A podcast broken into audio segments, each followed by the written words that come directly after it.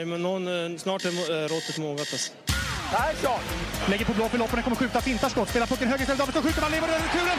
Skottläge kommer där! Kan jag få låna micken? I mål! Hur skjuter karln?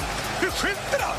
Jag kan bara säga att det där är inget skott faktiskt, Lasse. Det där är någonting annat. Det där är liksom, han skickar på den där pucken så jag nästan tycker synd om pucken. Den grinar när han drar till den. Utan Fröbo var målvakt! Kan jag få låna micken? Kolla! Poff! En allvarligt talat Leif Boork håller på med hockey 600 år! Kan jag få låna micken? Hallå hockeyvänner! SHL drar ju äntligen igång igen helgen och SHL-podden kommer såklart finnas med även den här säsongen. Om ni undrar vem jag är så kan ni vara lugna. Morten kommer programleda podden även den här säsongen tillsammans med André och nytillskottet, den nyblivne svenska mästaren Per Arla Albrandt.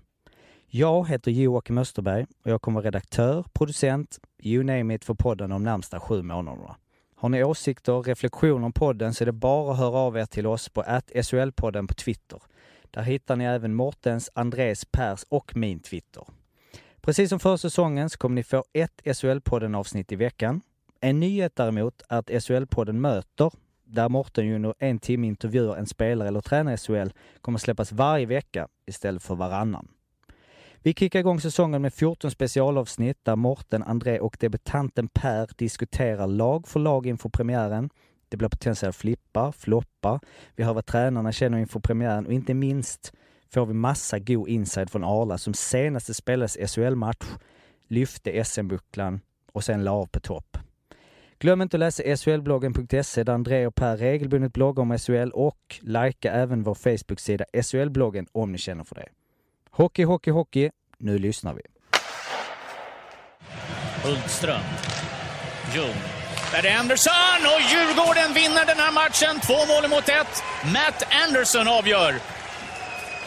Och nätar för 18 gången den här säsongen. Och jag tror att det är först nu som Djurgårdsspelarna är... De vet ju att tar man, tar man två poäng då är man klara. Tar man en poäng är man klar också. Feden från den här positionen, kan inte skjuta, lämnar över här istället. Mål! Djurgården gör genom Bergfors 4-3 och det är 1-0-9 kvar. Oj! Det är reducerat. Här kommer Bergfors. Bergfors tittar upp. Har han någon att spela till? Lägger in och det är nära att det är 3-4-4. Wow. Den studsar över klubban på en helt fri eh, eh, djurgårdare. Djurgården letar efter ett passning och så kanske kan Magnus Nygren som har gjort ett mål redan i öppen kasse tidigare. Här då kommer 5-3 Djurgården 10 i fjol, 70 poäng och åkte ut i åttondelen 1-2 i matcher mot eh, Färjestad. Arla, flipp, flopp. Flipp tar jag kanske en kille som inte så många hört talas om, men Jesper Pettersson. Tycker jag ska bli spännande. Eh, spelade med honom för många, ganska många år sedan i LHC innan han stack över. Har väl inte gjort något jätteavtryck i Nordamerika, men eh, liten, tuff, och även spelskicklig faktiskt tycker jag. Eh, såg honom nu eh, i träningsmatch Linköping-Djurgården och han spelade powerplay, gjorde det riktigt bra och fick stort förtroende så, eh, han tror jag, han tror jag blir en flipp. Mitt eh, frågetecken i Djurgården är eh, fortsatt sen förra säsongen, eh, powerplayet, eh, som ju var riktigt eh, dåligt eh, då. Eh, jag tyckte det såg lite omständigt ut nu, ganska trögt. Eh, det, är, det kommer bli en, väl, en verklig nyckel att de måste upp mot en 20% för att vara konkurrenskraftiga med, med de bästa lagen. Så det, ja, det är mitt frågetecken, men eh, samtidigt eh, får de igång det så tjänar de ju många poäng på det. Så upp till bevis.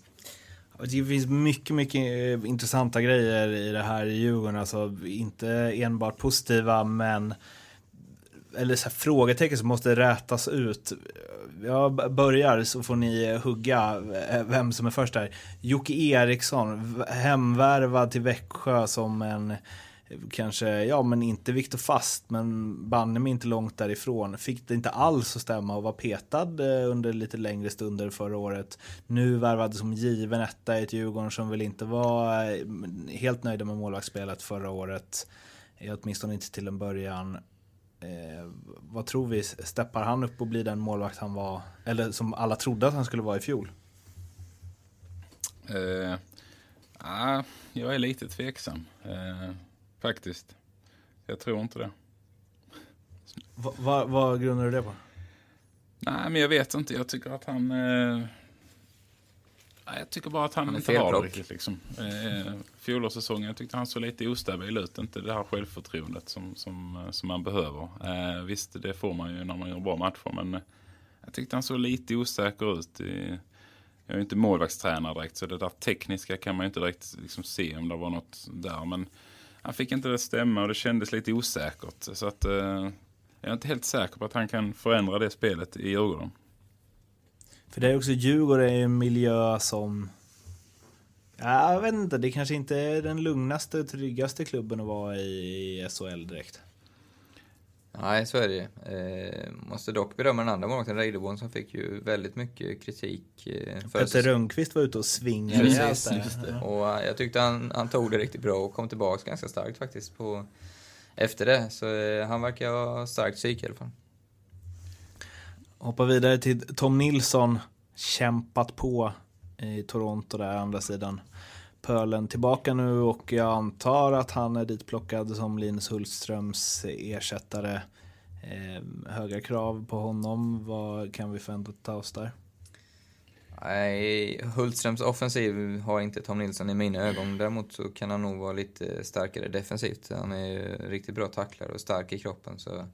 Men om han är ditvärd för dem och ersätter de poängen så, så tror jag det blir tufft.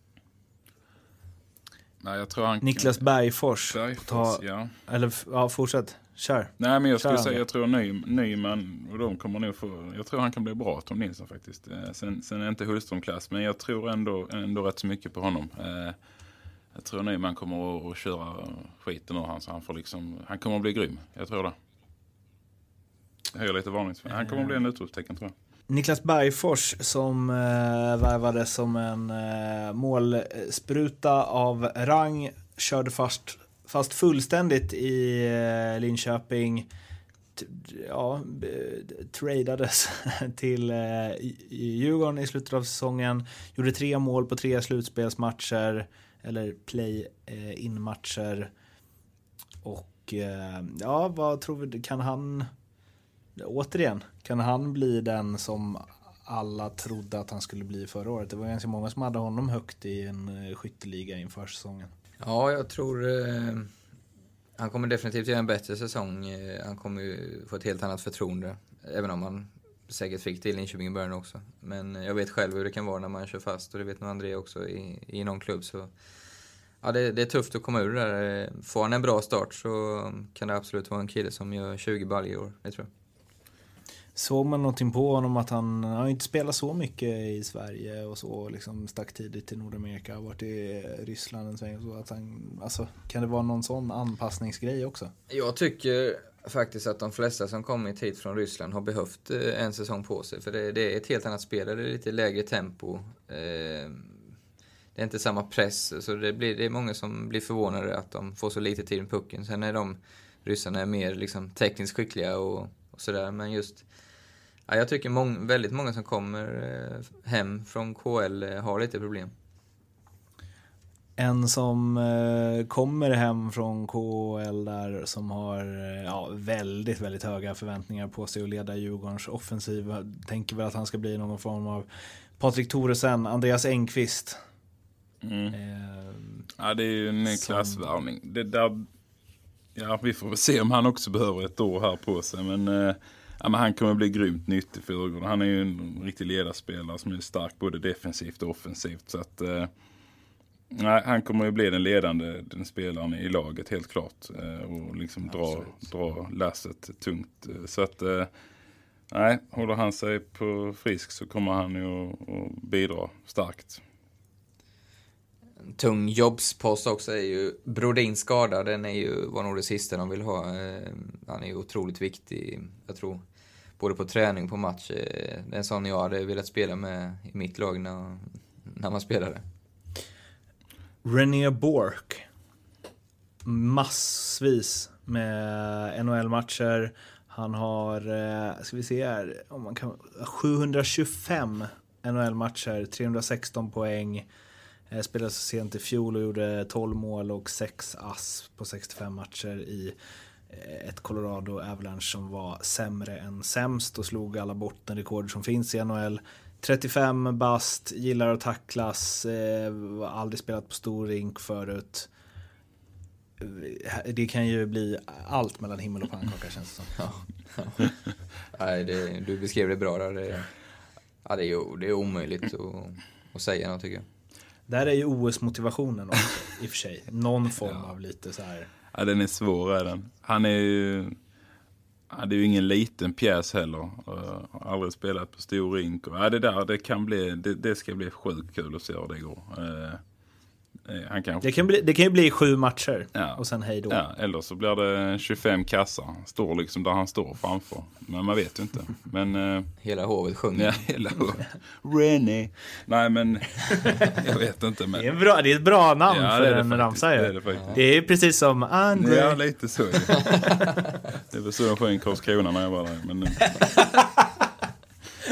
nej, men jag tror att eh, nej, det, det, det, ska bli kul att se. Lite som du säger. Det kan vara, det kan vara allt, allt från eh, himmel till det andra ungefär.